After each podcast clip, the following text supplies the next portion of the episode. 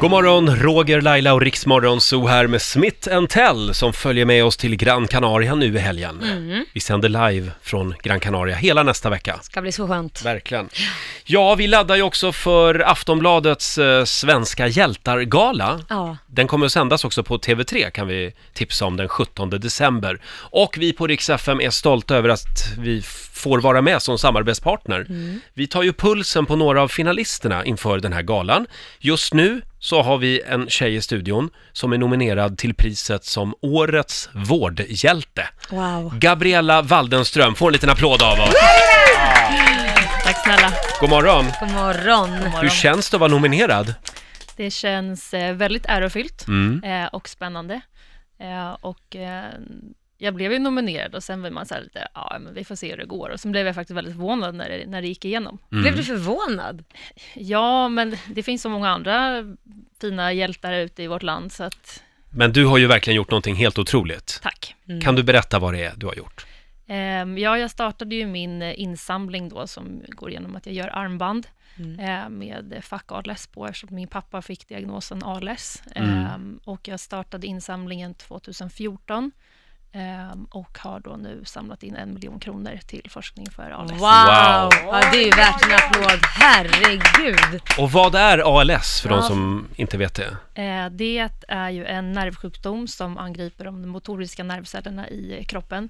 Ehm, Och det gör ju då att det bryter ner eh, musklerna, eh, så de förtvinar och till slut så blir man då förlamad i kroppen. Usch, vad hemskt. Ja, och sen är det ju det hemska med sjukdomen är ju att man är hela tiden klar i huvudet, ehm, men att kroppen blir förlamad. Mm. Och det finns inget botemedel mot detta? Nej, det finns lite bromsmediciner, eh, men det finns inget eh, botemedel.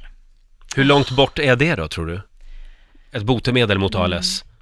Jag tror, jag, är inte, jag ska inte uttala mig för mycket om den frågan, men jag, det känns inte just nu som att det kommer komma något genombrott imorgon, för det är fortfarande Nej. ganska mycket frågor som är olösta. Mm. Eh, Och det men- behövs väl pengar antar jag? Mycket Precis. pengar för att man ska komma någonstans. Så är det ju med Precis. all forskning. Ja. Eh, Vilken respons har du fått då, efter insamlingen?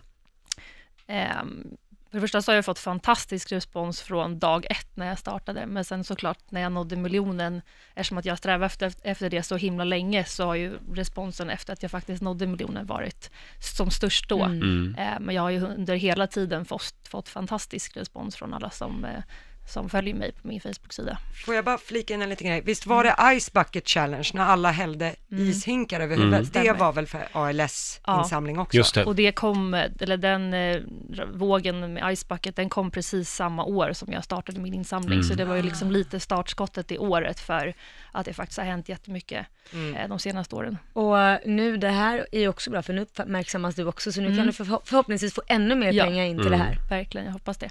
Och lagom till jul också. Det är ju en Mm. tid som faktiskt handlar om att, om att ge.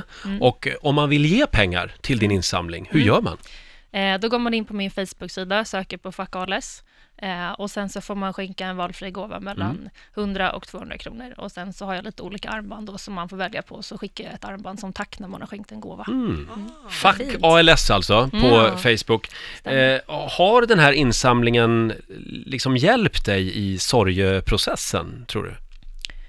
Ja, jag, när jag tittar tillbaka på det nu så här, i efterhand så tror jag att jag gjort det ganska omedvetet. Det är nog inte så att jag har tänkt på det och suttit och haft det som en bearbetning, men samtidigt tror jag inte att jag skulle hållit på i fyra år heller om det inte var så att jag faktiskt, det, är ju- det har ju gett mig jättemycket. Mm. Ehm, så att jag tror att det har nog varit ett så, sätt att bearbeta och faktiskt känna att man får göra någonting i sorgen och inte bara sitta och gråta. Mm. Och forskningen har alltså fått en miljon kronor tack vare dig. Det är en liten applåd igen på det. Verkligen. Tack för att du kom Gabriella Tack snälla. och lycka till nu i, i eh, Aftonbladets Svenska hjältargala. Tack. Vi, vi håller tummarna. Mm. Ja, det gör vi. Tack för att du kom förbi studion.